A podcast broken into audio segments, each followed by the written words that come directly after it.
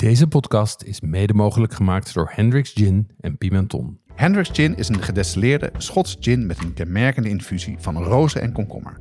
Probeer nu ook de fruitige variant Grand Cabaret. Pimenton is dé webshop voor foodies. Ze hebben meer dan duizend ingrediënten van over de hele wereld die ze snel en voordelig versturen vanuit België. Ook bij ons geldt geen 18, geen alcohol. Jonas, heb jij wel eens eh gegourmet? Gegourmet? Nee, Jeroen, dat heb ik, eh, heb ik nog nooit gedaan. En met het risico dat ik enorm elitair ga klinken. het- Ik haat het van de grond van mijn hart. Maar je hebt het nog nooit gedaan. Ik heb het nog nooit gedaan, nee. Nee, dat klopt. Dus Eigenlijk moet ik zeggen, eerst proberen en Ja. dan, dan zeggen. Maar nee, ik denk ook niet dat ik het ooit ga doen. Waarom niet? Nou, meestal is het eh, gemaakt met heel vies vlees, met heel veel vette sausen. En uh, walmt je hele huis ernaar, dus eh, mij niet gezien.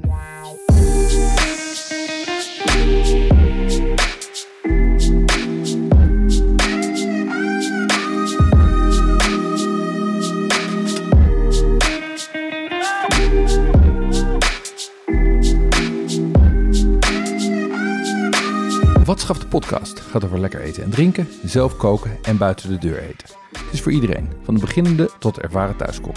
Elke aflevering starten we met een drankje, dan bespreken we onze culinaire ervaringen en staat er één onderwerp centraal.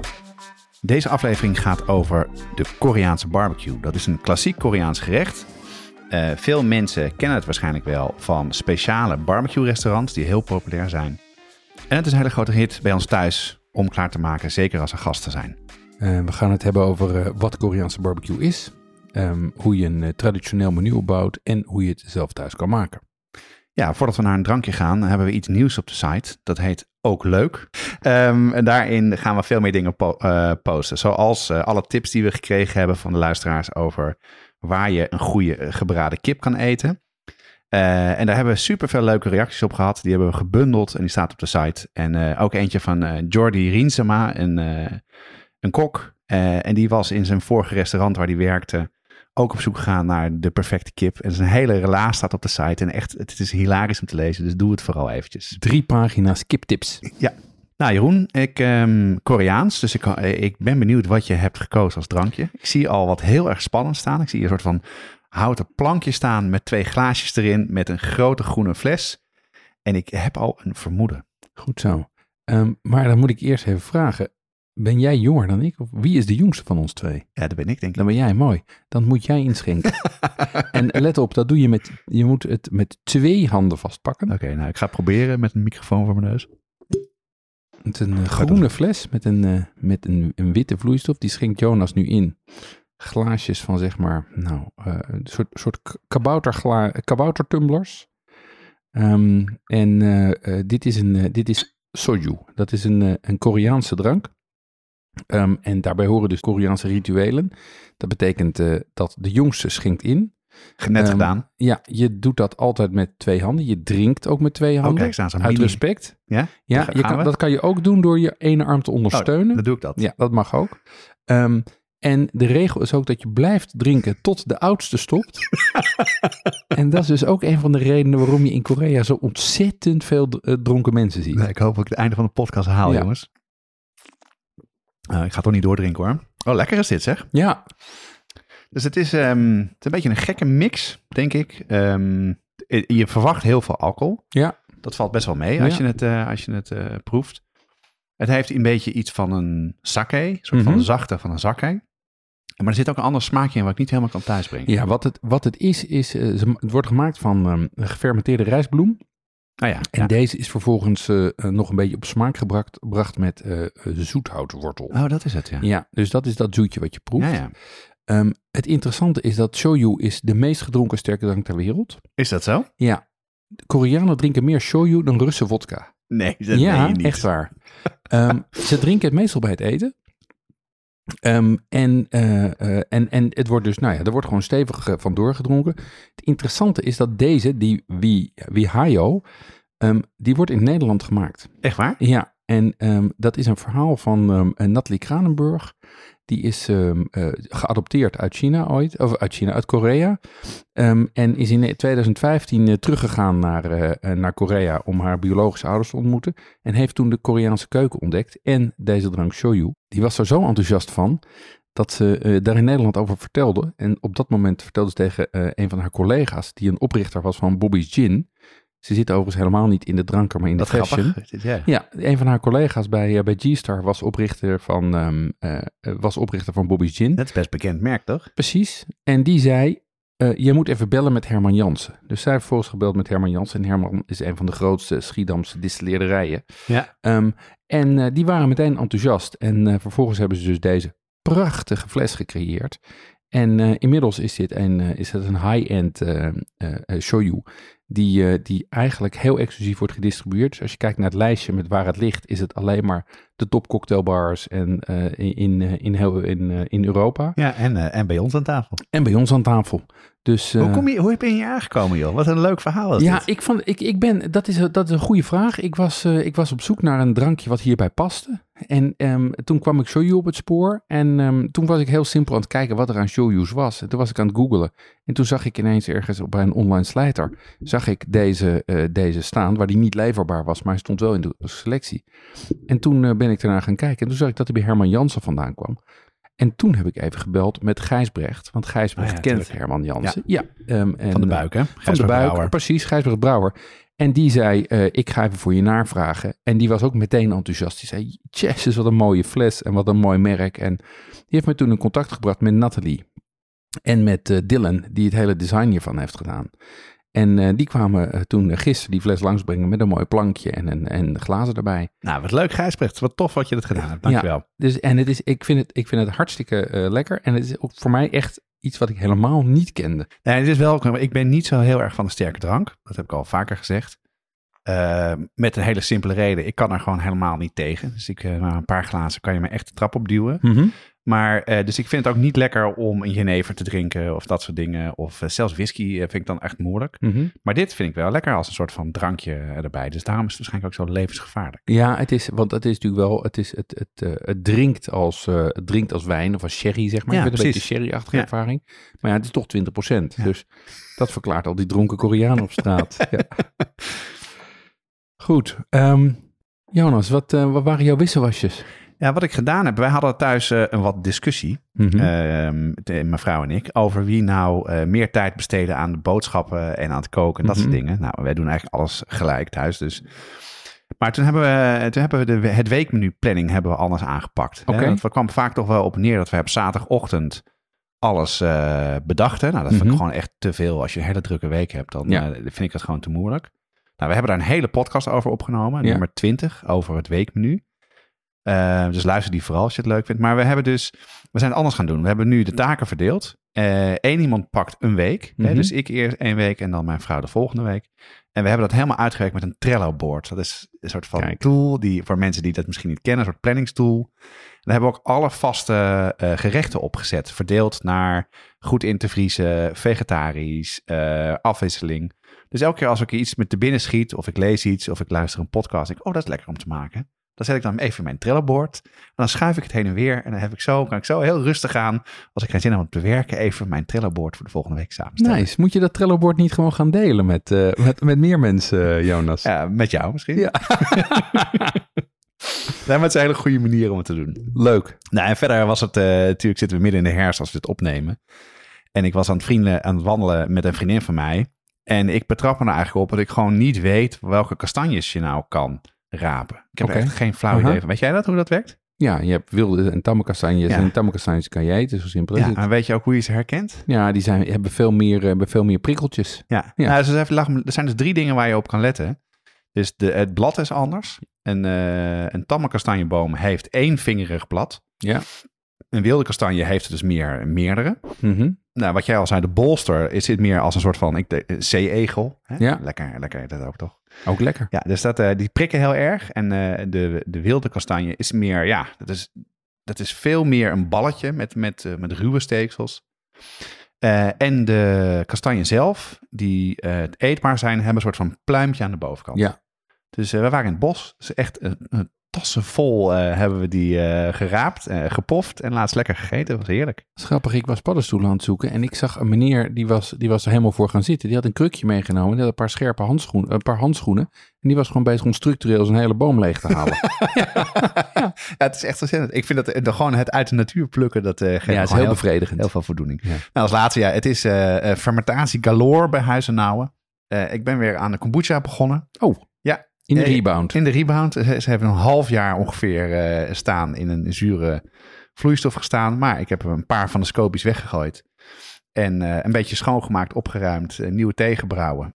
Maar ik heb nu, omdat we de vorige keer met die kombucha, daarvan was de geur best wel heftig. Dus ik heb een keer een ander recept geprobeerd. We hebben mhm. ooit het boek van meneer Wat Eet Ons gekregen over ROT 2.0, ja. waar onwijs veel goede fermentatiedingen in staan. En ik heb nu zijn uh, recept gebruikt en dat oh. gebruikt minder suiker. Ah. En uh, ik denk dat het beter gaat werken. Dat het duurt langer voordat het uh, fermenteert. Ja, en het ruikt ik. ook beter nu. Dus to be continued. En de pot zuurkool is klaar. Dus die, die gaan we veel zuurkool eten de komende tijd. Lekker, er is wat afgefermenteerd. Ja, zeker. En jij, wat heb jij gedaan? Wat heb ik gedaan? Um, even een paar, een paar dingen die opvallen. Ja, het is, het is natuurlijk kookboektijd. Dat, is echt, eh, dat, dat valt mij voor het eerst op. Het is kookboekseizoen, dus de, de, er worden enorme hoeveelheden kookboeken uitgebracht. Ja, en binnenkort is natuurlijk de kookboekenweek. Precies. Um, en eentje die mij daarin opviel was uh, Lekker Fred in het Land. um, dat, is het, dat, is het, dat is het boek van, uh, van Fieseveur, van ja, ja. Uh, Freddy Traandlijner. Ja, ik heb zijn eerste boek, heb ik. En um, dat vind ik ontzettend lekker lees- en bladerboek. Met, ik denk, een dertigtal uh, heel aardige recepten. Grotendeels vegetarisch of veganistisch. Uh, een paar dingen die mij opvallen, uh, opvielen waren bloemkool met mole. gnocchi met pompoen. en miso-peer met hangop en sesamkaramel. Wauw. Ja, en um, het leuke is, de vorm en de toon die past helemaal bij zijn karakter Fieseveur. Want dat is natuurlijk een soort van karakter en een rol die hij speelt. Ja. Um, met, met campy foto's en, en allerlei zelfverzonnen woorden. Maar vergis je niet, uit zijn YouTube-video's weet je dat de man wel echt kan koken. Ja. Oh. En de recepten kloppen dus ook. Ja, en volgens mij, ik weet niet of zijn vader kok geweest is of niet, maar uh, die is Oostenrijks. En uh, dus vanuit zijn voorliefde voor schnitzels. Ja. Dus uh, nee, maar dat vind ik ook. Hij kan echt goed koken en vindt het ook heel leuk. Ja, leuk is dat. En wat ik ook opvallend vind, is dat de foto's zijn gemaakt door Elsa Jo Traatlener, zijn vrouw. Ja. En net als bij Yvette van Boven en Vanja van der Leden, is het dus hun partner die de foto's maakt. En ik denk dat het blijkbaar moet als je in Amsterdam-Noord woont of zo. Want dat is... doen ze allemaal dat daar. ze wonen allemaal bij elkaar. Ja. en verder, wat heb je nog meer gedaan? Um, ik heb weer eens uh, vijgentaartjes gemaakt. Um, ja, en toen ik daar een paar foto's van postte, leidde dat uh, meteen tot allerlei verzoeken om het recept. Ik zag het, ja. Ja, um, en dat recept komt uit In the Sweet Kitchen van Regan Daly. En is eigenlijk wel mijn favoriete uh, bakboek. Het is een van de weinige boeken die bij mij echt uit elkaar valt. Oh ja? Um, ja, en wat, ja, want ik vind alle gerechten die zij erin bakt, die passen gewoon heel erg bij, laat ik zeggen, de stijl van bakken waar ik van houd. Um, en hoe je die taartjes maakt, is je bakt een, uh, een pâte brisée. En dankzij Kees Holtkamp weten we nu wat dat is. Zeker. Um, en daarin gaat een frangipan van pistache. En daarbovenop doe je rijpe vijgen die je bestrijkt met honing. En dat is niet alleen ontzettend mooi, maar ook een heel geil taartje. om met Fiesveur te spreken. dus ik ga dat recept even op de website zetten. Nou, hartstikke goed. Um, en tenslotte, ja, nu, ik ben, ik ben, het is echt weer bakseizoen. Um, ik ben natuurlijk weer begonnen met de Christmas cake. Um, uh, en dit jaar maak ik twee versies, side by side eigenlijk. Serieus? Ja. Aan de ene kant mijn eigen recept, maar dan probeer ik een non-alcoholische variant. En daar begin ik dus iets later mee omdat ik denk dat de houdbaarheid zonder alcohol toch wat minder is dan met alcohol. Um, en daarnaast doe ik een recept van een van mijn nieuwe baking crushes, um, een regulair ijzerwijn. Um, ik ben inmiddels totaal verslingerd aan haar beide kookboeken. En kijk ook uh, rijkhalsend uit naar het kerstkookboek dat over enkele weken verschijnt. Oh, leuk. Ja. Nee, over de houdbaarheid van Christmas cake. Want het is nu echt de tijd om te beginnen. Hè? Ja, dus... je moet nu wel het is, als, oh. mensen de, als mensen deze podcast luisteren, dan zijn ze al aan de late kant. Dan kan het nog net. Zeg ja, maar, we hebben nu, terwijl we het opnemen, zien we al mensen druk aan het bakken en uh, dingen delen. Nee, want ik kwam laatst nog een stukje tegen van vorig jaar. Ja, in de vriezer. Nee, gewoon ergens in. Oh. Ja, het stond ergens verstopt. Gewoon in de eh, bank. nee, wel in, een, wel in een, uh, wat zeg je dat? Nou ja, het was wel in een trommeltje of een blikje. Dat ja. zocht ik, ja, dat ik. Ja.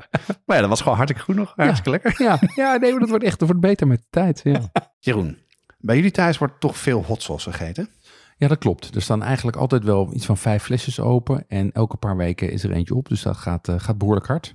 Maar waar, waar, gebruik je het dan bij? Waar, waar, waar, eet je het mee dan? Nou, mijn dochter houdt niet zo van heet eten, maar mijn jongste zoon juist wel. Um, uh, dus bij heel veel avondeten kiezen we dan zelf. bij taco's, bij kip, bij gebakken rijst, dat soort dingen. Um, en overigens ook bij lunch en ontbijtgerechten, tosties, gebakken eieren, pizza, alles. pizza voor ontbijt. Slim, want dan kan je wel je eigen pittigheid bepalen. En pak je dan ook vaak de rijmakers, heetmakers sausen? Ja, die zitten regelmatig in de roulatie. Uh, juist ook omdat ze bijzondere smaken hebben en oplopen in pittigheid. Ja, en wat ik er zo leuk aan vind, ze zijn prachtig vormgegeven. Uh, hoe komen luisteraars aan deze flesjes? Ja, je vindt rijmakers, heetmakers op heatsupply.nl of vraag er naar bij je delicatessenzaak. Nou goed, tijd voor de Koreaanse barbecue. Ja, um, Jonas, tijdens, uh, uh, we hebben tijdens aflevering 17 over bibimbap alles gaat over de Koreaanse keuken.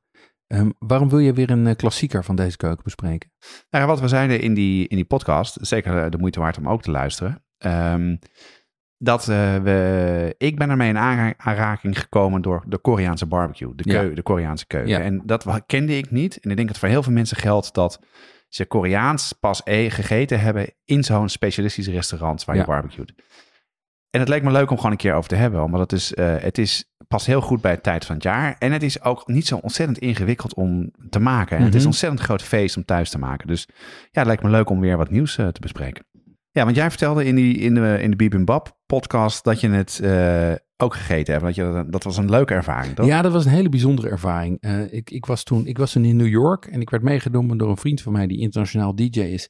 En die had net een plaat gemixt voor Kylie of Madonna of zo. Maar die zat dus in die hele internationale uh, uh, DJ-scene. Jet set. Jet set scene. En, um, en als je in New York woont, hoort er ook een lifestyle bij met limo en met entourages. Oh, ja. De hele, ja, de hele Santekraam. Um, en wij spraken af in de Soho Grand. Toen net open, vreselijk hip. Dus ik dacht, nou, die gaat mij meenemen naar een van een super hip uh, restaurant.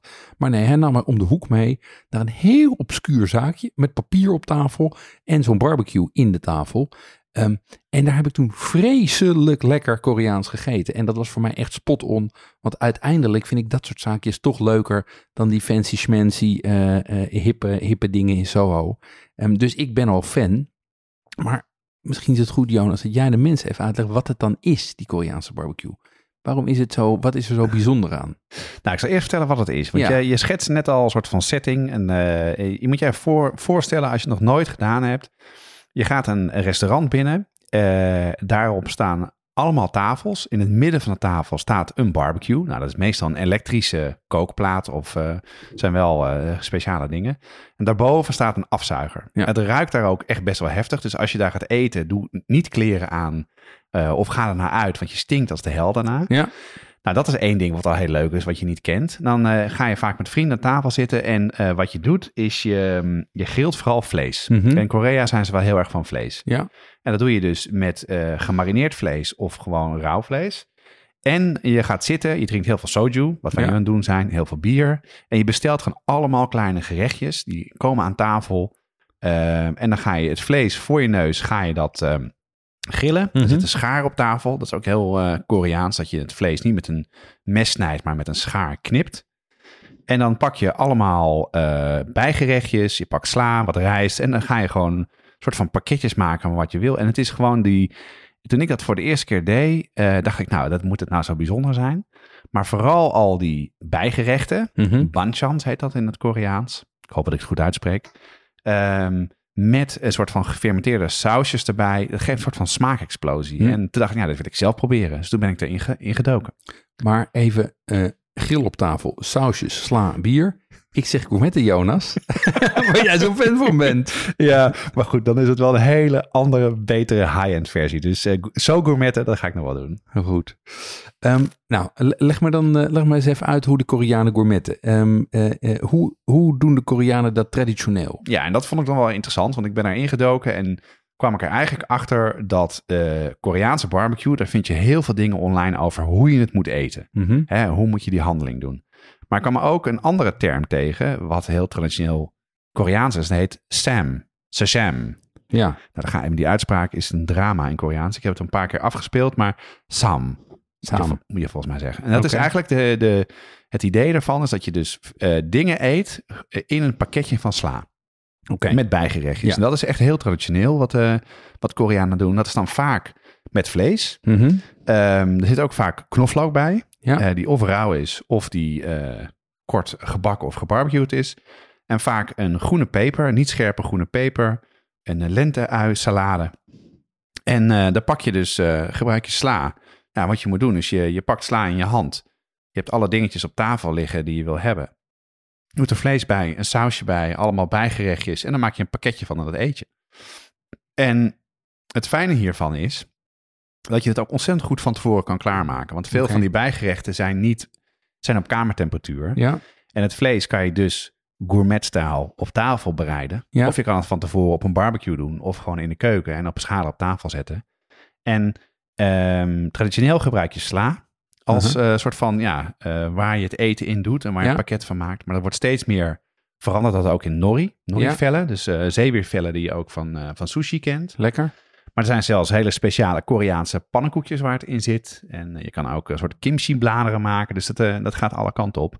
En toen dacht ik wel van ja, oké, dus het barbecue is echt wat in zo'n restaurant gebeurt. Maar de manier van eten, dat is Sam. En ik doe het eigenlijk altijd eh, op een barbecue thuis. Ja. En dan doe ik, vind die houtskool smaak lekker. Ik vind het ook gewoon handig om het allemaal af te hebben en op tafel te zetten. Mhm. Maar ja, goed, ehm, dat kan ik niet binnen doen. En het is ook wel, dat is wat dus die, die ervaring die je hebt als je aan- met elkaar aan tafel zit in zo'n restaurant, is heel erg leuk. En er zijn ontzettend veel soorten apparaten voor. En daar heb jij even naar gekeken. Heb je even research gedaan? Ja, daar ben, daar ben ik even ingedoken. En, en eigenlijk kom je hier natuurlijk weer op, op bijna de principiële discussie. Doe je het elektrisch of op gas of op de houtskool? Ja. En dat is natuurlijk dezelfde discussie die we ook in onze barbecue aflevering hebben gehad. Ehm, en net als bij barbecue krijg je hier een trade-off tussen gebruiksgemak en smaakbeleving. Ja. Simpelweg. Ehm, en de beste smaakbeleving krijg je van houtskool. Ehm, en je kan een echte Koreaanse tafelbarbecue kopen en die ook op houtskool stoken. Eh, maar dat zit natuurlijk wel op het niveau van een flipperkast in je huis of een huisbioscoop of een bowlingbaan. zeg maar man cave niveau, MTV Crips. Ehm, dus dat, nou ja. Het woord mancave, ik heb echt zo'n Ja. hekel aan. Zo'n onzin vind ik dat. Maar goed. Ehm, maar een alternatief daarvoor, en dat is wel weer te doen, is een Japanse konro of een hibachi. En dat is, Wat een, is dat dan? dat is een keramische tafelbarbecue, ofwel rond ofwel vierkant. Oh ja, dat ehm, ken ik wel, ja. ja. Ja, en die koop je voor ergens tussen de nou, 30 en de 300 euro. Of afhankelijk van of je een Japanse hebt of een eh, imitatie. Het ziet er heel cool uit. En die stook je op eh binchotan of sumi bincho briketten. En dat zijn hele specifieke, zuivere eh, Japanse briketten of type houtskool. Die geen rook geven. Echt waar? En daarmee kan je hem dus binnen gebruiken. Oh mijn god zeg. Ja, ja. En Dat, eh, dat, dat- dat wil ik wel hebben, denk ik. ja, dat ziet er heel gaaf uit. Maar als je er goed, een beetje goed naar over leest online, zeggen ze van nou... Ik zou hem toch alleen onder een afzuigkap gebruiken vanwege de vetaanslag en de Ja. koolmonoxide. Ja. Maar goed, zo'n Japanse barbecue met die houtskool kan je dus wel gewoon onder die afzuigkap zetten. En dan kan je gewoon binnen grillen. Ja. Vind ik cool. En hoe doen ze het in, in de restaurants dan? Ja, wat je in de restaurants het meest ziet is gas. En dat is wat mij betreft ook de beste optie. Ehm, je hebt complete systemen die gewoon op gas draaien, waar je zo'n zo'n gaspatroon in draait, Ja. zeg maar. Zo'n spuitbus, niveau, eh, spuitbusformaat gaspatroon. Ehm, eh, maar wat je ook kan doen, is een, een speciale barbecue plaat die je op een draagbaar gasbrandertje zet. Ah ja, En, handig. en ik heb zo'n brandertje toch Ja, al. ook. Voor op ook. de camping of voor warme chocomel. ja, of voor de kaas van op tafel. voor de kaasfondue. eh of voor pannen die het niet doen op inductie. Oh ja. Ehm, dus Heb, daar- jij, heb jij dan? heb ik dan weer. Maar zo'n grillpan die kost 15 tot 50 euro en die doet het hartstikke goed. Dus dat is eigenlijk wel een soort van, eh, soort van mooie cool, middenweg. Ja. En tenslotte, en dat is als je er echt mee wil beginnen. Kijk, Jo- Jonas schenkt nu heel keurig, weet dat het zijn taak is om bij te schenken. Zorgvuldig met twee handen schenkt hij eh, bij. Ehm, Ik doe het stiekem, want dan de luisteraars dit. Maar nee. Maar dan heb je ze die elektrische oplossingen. En je hebt van die kleine elektrische grilletjes voor op tafel. Ehm, maar daar zie ik eigenlijk niet het voordeel ten opzichte van gas. Want het geeft toch minder hitte. En eh, eh, eh, gas heeft toch gewoon meer hogere, hogere calorische waarde. Maar wat je wel kan doen, en dat is wat wij ook al eens een keer hebben gedaan, is gewoon je oude gourmetschel tevoorschijn halen. Of van je buren lenen. En dat is eigenlijk de makkelijkste manier om daarmee te beginnen. Zijn we toch weer terug bij gourmetten. De cirkel is weer rond. Ja. Misschien ga ik er dan toch zo'n gourmetstel bij de kringloopwinkel scoren. Want het is wel leuk. Het is leuk om aan tafel te doen. Maar tot zover de hardware. Ehm, kan je mij even, even meenemen naar wat er dan zo op tafel staat? Wat, eh, wat, wat, wat gebruik je allemaal dan bij die barbecue? Wat vouw je in die, in die bla- slaatjes bla? nou, wat het is, kijk, het is, dit heet niet voor niets uh, Koreaanse barbecue. Dus het is, het is wel heel erg vlees georiënteerd. En ik, um, in de research heb ik ook wel zitten nadenken van hoe kan je daar nou ook uh, groente bij doen. Maar daar komen we zo nog wel even op terug. de basis is over het algemeen rundvlees. Okay. Rundvlees of varkensvlees. En van rundvlees doen ze echt de goede stukken van, van de rund. Uh, entrecote of short ribs. hoe heet dat in het Nederlands? Ja, short, short ribs. Ja, en, uh, en buikspek uh, of andere dingen. En uh, je meestal in restaurants, wat ik al zei, eet je het vaak vers. Maar het is vaak gemarineerd in speciale sausen, hele bekende sausen, zoals de bulgogi saus. Dat kennen veel mensen wel. Dat doe je over het algemeen met rundvlees.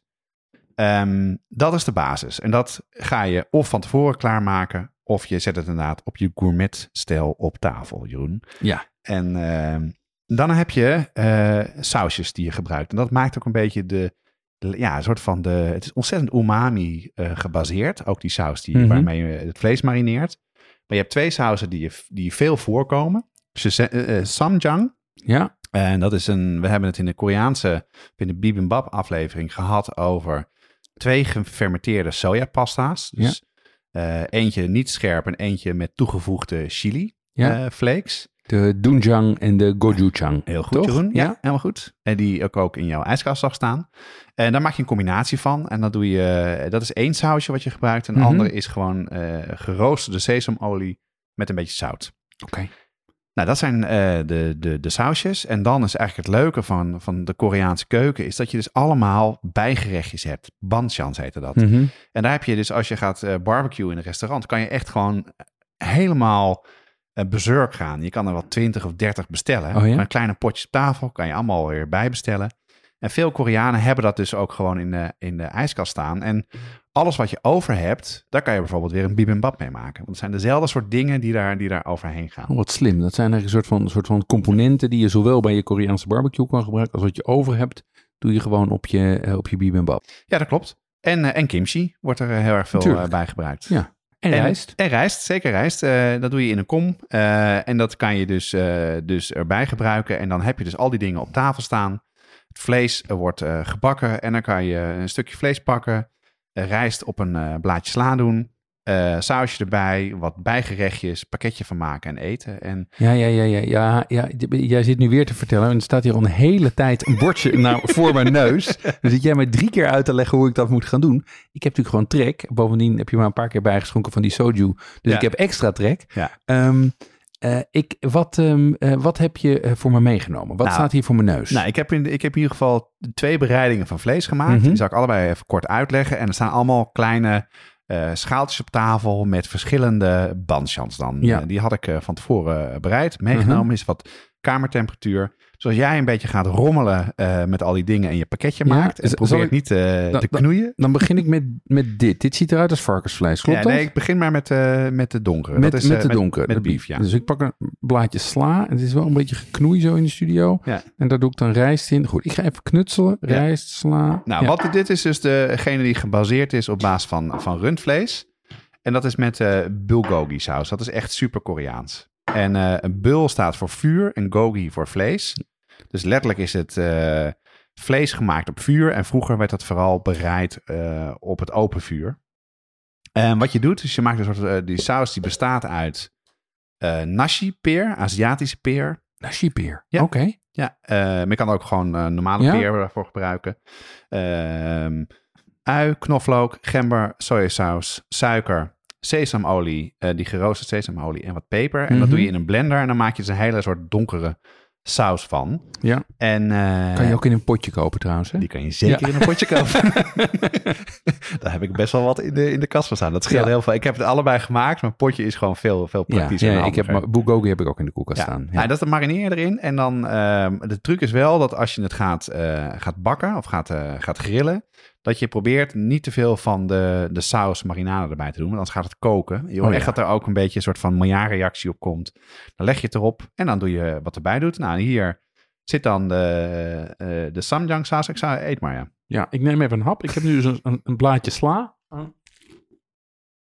Ja, daar zit dus de, de samjang saus bij. Dus dat is die saus van gefermenteerde sojabonen, doenjang en gochujang. Mhm. Maar die zijn aangemaakt met sesamolie, knoflook, lenteui. En soms wordt er ook wat water aan toegevoegd of wordt er wat eh, azijn aan toegevoegd. En dat is een hele ja, soort diepe warme saus. Een beetje een klein pitje, maar Mhm. heel weinig. En dan kan je, als je het zelf maakt, kan je natuurlijk heel erg in variëren. Maar wat ook weer heel handig is, deze kan je ook in zijn geheel kopen. Hè? Ah. Dus voor de mensen die naar de Aziatische supermarkt gaan, je hebt een bruine pot, doenjang, rode pot, gochujang en de groene pot. Dat is dit sausje. En eh, dan hoef je alleen maar eh, in een kommetje te doen en dan is het lekker. Ja, en ik heb nu uit van die potjes die hier voor me staan, heb ik er wat van die taugé op gedaan. Ja. En, en een beetje ehm, eh, van, die, eh, van, die, van die bosui. Want dat ziet eruit als bosui met sesampitjes of zo. Wat Ja, is dat? Is, dat is de bosuisalade. Ik ga, al echt, ik ga niet de Koreaanse naam daarvan zeggen. Mhm. Ze, die zie je heel veel. Wat je doet is met die, dan, dat zijn, dat zijn lenteuitjes. Die snij je over dwars eh, in heel fijne soort streepjes. Ja, En die doe je dan even 10 minuten in het water. Want veel, vaak heb je dus aan de binnenkant van die lenteuitjes is het een beetje slijmerig. Eh, en dat kan je er een beetje uitwassen daardoor. En door ook als je er eh, dan ook heel koud water bij doet. Mhm. of je doet er wat ijsklontjes bij. Dan gaat het ook heel mooi soort van opkrullen. Ziet er ook heel mooi uit. En die hebben een marinade ehm, van een soort dressing van chilivlokken Mhm. sesamolie, sesamzaad, suiker en azijn. En dat heeft een heel klein beetje pit. En een beetje crunch. Dus echt... eh maar het is super lekker. En door ja, die, vertel, en door, vertel wat je proeft. Ja, wat je, wat je proeft, wat natuurlijk heel lekker is, is dat je eet het in een blad sla. En ik heb hier, van, ik heb hier Lollo Rosso. Dus dat geeft al een hele, ehm, dat geeft een hele goede eh, omhulling van het eten. En je hebt dus eerst bijtje door die, door die sla heen. Vervolgens kom je in de rijst en in het vlees. En dan, voel je de, dan, dan komt die, die rundvlees en die marinadesmaak komt. En daarna meer, proef je dat er natuurlijk ook nog die, eh, die banchans eh, bij zitten. Dus dan ik proefde daarna nog de, eh, de taugé, die een beetje, beetje, die een beetje crunch heeft, die ook een beetje pittigheid heeft. Ja, die is heel erg aangemaakt met knoflook. En Ja, ook met en- sesamolie. En je proeft die warmte en die, en, en, ehm, die volle smaak van die, van, van die saus, die samjang. Samjang. Samjang, precies. Ehm, en wat ik nu heb, want ik heb het nu zeg maar een seconde of dertig eh, geleden mijn mond leeg gegeten. Nu merk je hoeveel umami erin zit, want ik begin gewoon te kwijlen. en nog even zit ik hier met, een, met zo'n natte vlek op mijn shirt, als, een- als een oude man. eh, het is ja. echt zo, dat zou je wel merken als je het zelf een keer maakt. Je, je kan niet stoppen met eten. Het is, het Nee, is, maar het is umami op umami op umami. Ja, maar je kan namelijk, je kan er dus heel erg zwaar van maken. Maar je kan dus een heel erg veel groenten en bijgerechtjes. Veel zijn gefermenteerd of ingemaakt of zoet-zuur. Dus je kan gewoon kleine hapjes maken. Je kan geen rijst erbij doen of wel rijst erbij doen. En, eh, of alleen het vlees een beetje eten. Ja, en wat ik voor het mondgevoel ook belangrijk vind en, en ook lekker vind, is dat die, dat die Japanse rijst die erin zit, die valt ook een beetje in je mond uit elkaar in van die kleine, eh, kleine eh, balletjes die nog wel structuur houden. Ja, En ja. dat is natuurlijk ook wel, je proeft dat het ook goed gekookt is. Je hebt, je hebt zeker wel je high-tech eh, rijstkoker hiervoor gebruikt. ik heb zeker mijn high-tech rijst ja. ook gebruikt. Nee, maar Ja, dat, dat proef je.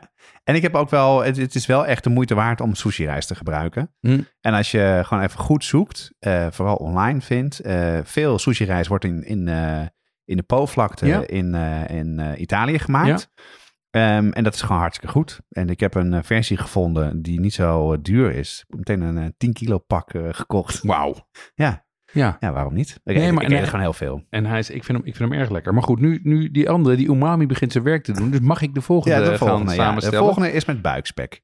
Ja, dus dan En- neem ik dat, neem ik dat, dat, dat wittige vlees hier. Dat hè? wittige vlees, ja. En dat is, ehm, dat is eh, dun gesneden. En dat is met buikspek eigenlijk best wel moeilijk. Ja, Dus het beste wat je kan doen is het even invriezen. Kort invriezen. Dan, kan je, dan Ja. valt het niet uit elkaar als je Ja. snijdt. Ja, of op de snijmachine. Kan je ook voor aan de slager vragen, denk ik. Maar dat is een goeie, ja. Ga ik de volgende keer Ja, doen. Ja, precies. Doet hij ook nog eens wat voor zijn geld. Ja, Goeie tip. ja, ja, nee, dat is een goeie. Ja.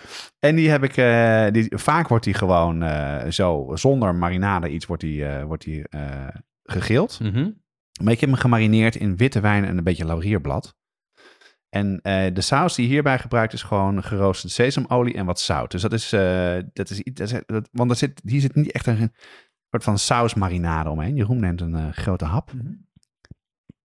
En, ehm, en verder ehm, ja, heb ik, ik denk dat ik, je hebt daar volgens mij komkommer bij gedaan. Dat Mhm. zijn gepikkelde komkommer. Dat is een beetje na, naar aanleiding van het recept van David Chang. Dat staat ook op de site.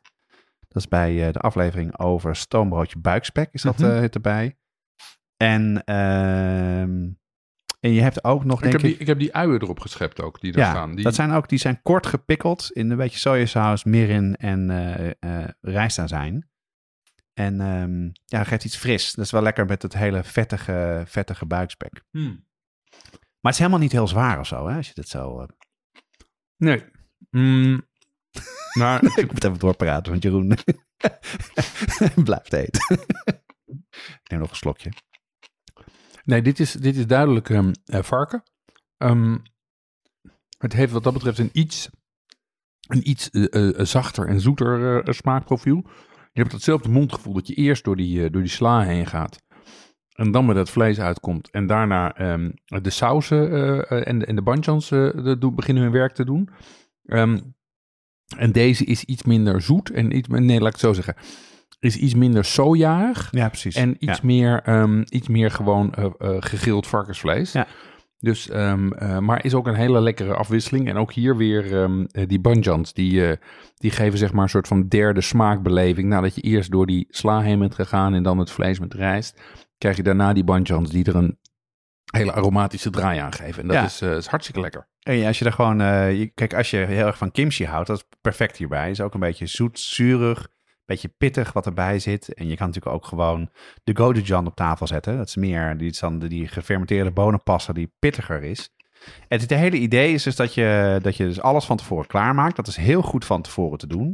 Je zet alles op tafel. Allemaal bakjes. eh, grote bak met rijst. Grote bak met, eh, met slaabladeren. Eh, het vlees om, eh, om zelf eh, eh, te maken en eh, te grillen. Of op een barbecue te doen. Ik doe het meestal op een barbecue en zet het op tafel. En ja, dan is het gewoon een groot feest. En, Ja, eh, en het is niet pittig. Dus ehm, ook, voor, ook niet. voor mensen die, eh, die minder van, eh, van pittig eten houden voor kinderen, is het denk ik heel goed. Ehm, als, we nou, als we even kijken wat je dan op tafel hebt staan. Hè? Je hebt die, wel, welke banchans zou jij zeggen, zet je voor een, voor een, voor een, eh, voor een leuke thuisbarbecue op tafel? ja, kijk, het is, eh, je kan echt eh, alle kanten op gaan. Ik heb echt gewoon echt moeten beperken om Mhm. niet alles te noemen. Nou, ik zou altijd kimchi op tafel Ja. zetten. Kan je zelf maken. Heb jij laatst gedaan. Mhm. Heb heel veel potten. Ja, nee, nog één heb ik er. Oh, echt Ja, waar? nog één, ja, ja. Dat valt me mee. Nou, die kan je ook gewoon goed kopen tegenwoordig. En het is leuk om zelf te maken. Mhm. Nou, die lente-ijsalade, wat ik al net al uitlegde, die is heel lekker fris. Eh, dat is een heel traditionele eh, ding wat erbij zit. Die ingemaakte uien, eh, gepikkelde komkommer Ja. heb ik hierbij gemaakt. Maar je kan ook... Kijk, weet je wat de essentie een beetje vaak van die, van die Koreaanse keuken is? Is je maakt het aan met sesamolie, knoflook en een beetje zout. Ja. En dus alle groenten die je kan bereiden, kan je zo een beetje aanmaken en op tafel zetten. En zorg ervoor dat het gewoon niet te koud is. Tauge is, eh, gebeurt, eh, is heel erg veel. Dat heb je, had het net ook over. Ja, die, is ook lekker. die kook je zacht. Die geven ook een crunch. En die hebben een marinade na- eh, van knoflook en, en, en sesamolie. En soms gaat er ook een beetje eh run, eh, runbouillon bij. Mhm. En verder heb je sla nodig. Ja, Heel veel. Nori is lekker erbij. Je kan nori eh, gebruiken of allebei. Heel veel, heel veel. Hoeveel, hoeveel, hoeveel wat, is heel veel? Is dat een krop per persoon? Halve krop per persoon? Ja, dat vind ik altijd heel moeilijk. Ik heb altijd te veel. Oké. Ehm, ik denk gewoon toch wel een grote krop als je met z'n vieren bent. Ja, ik, ik, als ik het zo, als ik, als ik het eh, me zo'n beetje herinner, zou ik inderdaad, zou ik misschien zelfs wel voor, voor twee kroppen gaan. Ja, eh. precies, ja. Want het is vervelend als je te weinig hebt. eh. Ja, absoluut. En die sla je kan je gewoon weer in de ijskast doen. En, eh, en weer een salade van maken de volgende dag. Eh, groene pepers. Er zijn niet pittige groene pepers. Ja, Ehm, Van de Turkse supermarkt. En die eh, bak je aan. Knoflook, die eh, rauw. Ik doe het niet rauw, maar kan je doen. Ehm, en dan die sauzen. En ehm, kijk, dat leuke is dat je dus... het moeilijke met de Aziatische keuken is vaak dat je zoveel nieuwe dingen moet kopen... die je misschien niet hebt of gewend bent. Maar je hebt hier maar een paar dingen nodig. Je hebt Ja. dus die geroosterde sesamolie heb je nodig. Ja, Eh, sojasaus, dat hebben de meeste mensen wel. Japanse sojasaus, zeg maar. Hè? Ja, ik zou gewoon alles kan je ervoor gebruiken. Het is lekkerder om Japans te doen, maar dat maakt niet uit per se. Ja, als het maar niet te zout is. Nee, maar geen, maar geen ketchup. Zeg Nee, maar. geen ketchup. Niet te zoet en niet te zout, zou ik precies. zeggen. Ja. Ehm, en die geroosterde se- sesamolie staat volgens mij gewoon in de supermarkt. Dan heb je alleen maar die pasta's nodig. En als je dat niet kan kopen of online wil bestellen, je kan het gewoon heel erg goed online bestellen, kan je het ook vervangen voor dus die bonenpasta voor miso. Mhm. Eh, en je kan dus die, die scherpere pasta eh, vervangen voor charissa of hiras- eh, harissa of eh, sriracha. Oh ja, oké. En dan kan je gewoon een, ja, en dan, ik zal het recept van uh, de, die saus online zetten. Ja. Hoe je het traditioneel maakt. En dan moet je, ik zal er ook uh, aan de notes toevoegen dat je dat gewoon kan vervangen. Dus in principe kan je dan gewoon naar de normale supermarkt gaan en dit gewoon helemaal bereiden. Je hebt, hoeft er niet per se voor naar de Aziatische toko. Mm Voordeel wel is, ben je een keer op een plek waar je dat wel kan kopen. Die potten, die blijven gewoon eindeloos goed. Ja. het is gefermenteerd, uh, niks... Uh, als je geen vieze dingen erin doet met vieze lepels, dan ja, beschimmelt het niet. Dus nee. Je kan het gewoon een keer kopen en, uh, en in je kast zetten. Nee, maar de, de, beperkende factor bij mij is niet of het wel of niet beschimmelt, maar gewoon de ruimte in mijn koelkast. Dat is natuurlijk wel een... Uh... Ja, maar het hoeft niet in de koelkast, hè? Oh, hoeft niet in de koelkast? Nee, oh, die, die, die, deze zout die wordt gemaakt in potten die een half jaar tot een jaar gefermenteerd op de grond staan. Oké, okay. shelf stable. Dus, uh, ja, net zoals miso hoef je ook niet per se in de ijskast te doen. Hm. Dus, uh... Alright, hey, dit was de Koreaanse barbecue instapmodel. Zeg maar traditionele Koreaanse barbecue. Maar wat we, wat we bij die Koreaanse keuken ook zien, en wat ik me nog kan herinneren van bijvoorbeeld um, die Bulldog Chicken uit aflevering 8. Ik bedoel, daar, gooien ze inmiddels, een, daar smelt dus een dikke laag mozzarella overheen, ook in Korea. Dus die innoveren best. Ja. Doen ze dat ook met die, met die Koreaanse barbecue? Vernieuwt die ook? Nou, kijk, ik ben daar geen expert op, hè. laat ik okay. het even vooropstellen. Maar op basis van de research die ik nu gedaan heb, denk ik eigenlijk dat uh, Sam veel meer traditioneel is. Ja. En dat de Koreaanse barbecue echt een beetje verwesterd is. En dat daar ook best wel dingen bij zitten die Koreanen niet doen. Maar het leuke is, in eh, New York Mhm. heb je ook een Sam Bar. En die is van David Chang. Ja. Eh, en daar hebben we het vaker over gehad. Hij is van Koreaanse afkomst, is een eh, beroemde chef. Heeft ook veel programma's op Netflix, Ugly Delicious. Ja. En hij wilde eigenlijk deze, wat gewoon heel traditioneel voor Koreanen is, dus met sla, geroosterd vlees eten met bijgerechtjes, wilde hij een, eh, ja, een soort van eh fastfoodketen van maken. En wat hij dus gedaan heeft, en dat vind ik eigenlijk wel heel erg interessant, is dat hij, kijk, ehm, het in essentie is het dus sla, eh, bijgerechtjes, een saus die eh, bij het vlees past en vlees. Mhm. Dus ja, waarom ga je niet ander soort vlees maken? En dat Ja. heeft hij dus gedaan. Hij heeft bijvoorbeeld een varkensschouder. En Ja. die heeft hij gepekeld in, eh, in zout en suiker. Die gaat Ja. dan een, een, ja, zes uur tot een nacht in de ijskast. Mhm. En die ga je laag en traag garen. En dan valt het helemaal uit elkaar. Eigenlijk op zijn Mexicaans. Ja, Ja. ja. een, een lamschouder zou je ook kunnen bedenken. Ja. Zou je ook bijna zou kunnen doen. Ja. En daar die, eh, doet hij dan met de traditionele bereidingen en Mhm. sauzen, zoals wij net be- besproken hebben.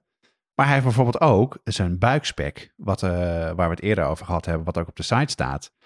Voor de pork eh, buns of de stonemoortjes buikspek, die maakt hij ook gewoon. En in plaats van dat hij dan eh, zo'n saus maakt van gefermenteerde bonenpasta, maakt hij, maakt hij een saus van grove mosterd, mayonaise, lente-ui en wat van de gepekelde komkommers die je net hebt gehad. Of Oké. augurkjes. Ja, dat lijkt heel erg op zo'n saus. Ik kan er even niet opkomen. Dat is, Ja, je bedoelt een, eh, saus tartare of Ja, een precies. saus gribiche. Ja. ja.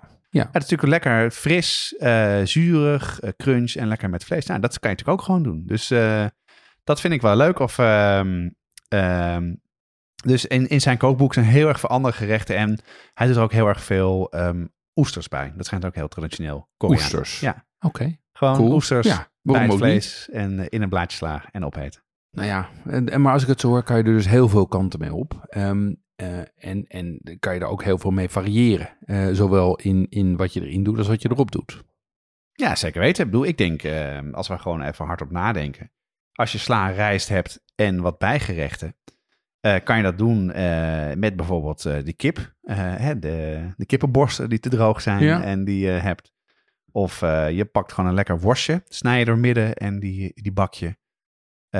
Of ik zat ook te denken, je, misschien kan je, als je wat meer groente wil doen, een knolselderij poffen in de oven. En Ja. daar plakken van maken. Heel even aangrillen in de pan en dat gebruiken. Dus ja. Je kan Of- aan wezen kan je eigenlijk alle kanten mee opgaan. ja, en dan kan je natuurlijk ook, eh, dan kan je ook bijvoorbeeld aubergine eh, er doorheen doen. Zeker. Ja. En je kan dus een soort hoofdingrediënt hebben, eh, groente of vlees, wat, Ja. hij, wat stevig is en een goede smaak en mondgevoel heeft. Met een sausje die erbij past en wat bijgerechten en inslaan. Dus ik zou het gewoon proberen.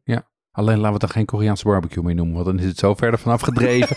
nee, dan krijg je... Ja, je rommelen kan- met blaadjes sla Ja, je, je kan het ook gewoon taco's noemen waarbij je de is- taco vervangt. Ja, Ja, dat is het natuurlijk een beetje. Ja. Ja. dus Ja, het- ja. En dat, daarvan weten we dat tacos ook een hele lekkere manier is om heel veel dingen tegelijkertijd op tafel te zetten. Dus klopt. kan dus ook eh, anders dan Aziatisch. Dus eh, ga het zeker proberen. Buiten de deur. Kan je het een beetje buiten de deur eten? Nou ja, wat ik al zei, je kan het dus bij gespecialiseerde restaurants eten. Ja. We hebben op onze site onder het kopje tips staan restaurants. Dat is een kaart. Mhm. En als je hem openklapt, dan eh, is, hebben we een categorie Aziatisch. En daarin staan een aantal dingen. Ik geloof dat ze in het blauw staan. Eh, restaurants in, eh, die je goed in Nederland kan eten. Dus in Amsterdam, in Buitenveldert, in Rotterdam en in Den Haag zijn een paar goede tenten. En ik denk dat je met, als het een beetje goede reviews heeft en het is echt gespecialiseerd in Koreaanse barbecue, kan je eigenlijk niet misgaan. Leuk. Nou, dat was wel, kijk, het is wel weer een, eh, een vleescentrische aflevering. Dus eh, laten we even ook om het eh, balans te vinden, het even naar de vegetarische repertoire gaan. Ja, ik heb voor het vegetarisch repertoire deze keer wat uitgekozen uit het boek van uh, Viezeveur. Ja? Ehm, eh, eh, lekker fret door het land. Ehm, want hij heeft een, hij, heeft een boerenkool... Ik zie meteen die, die, die coverfoto voor me.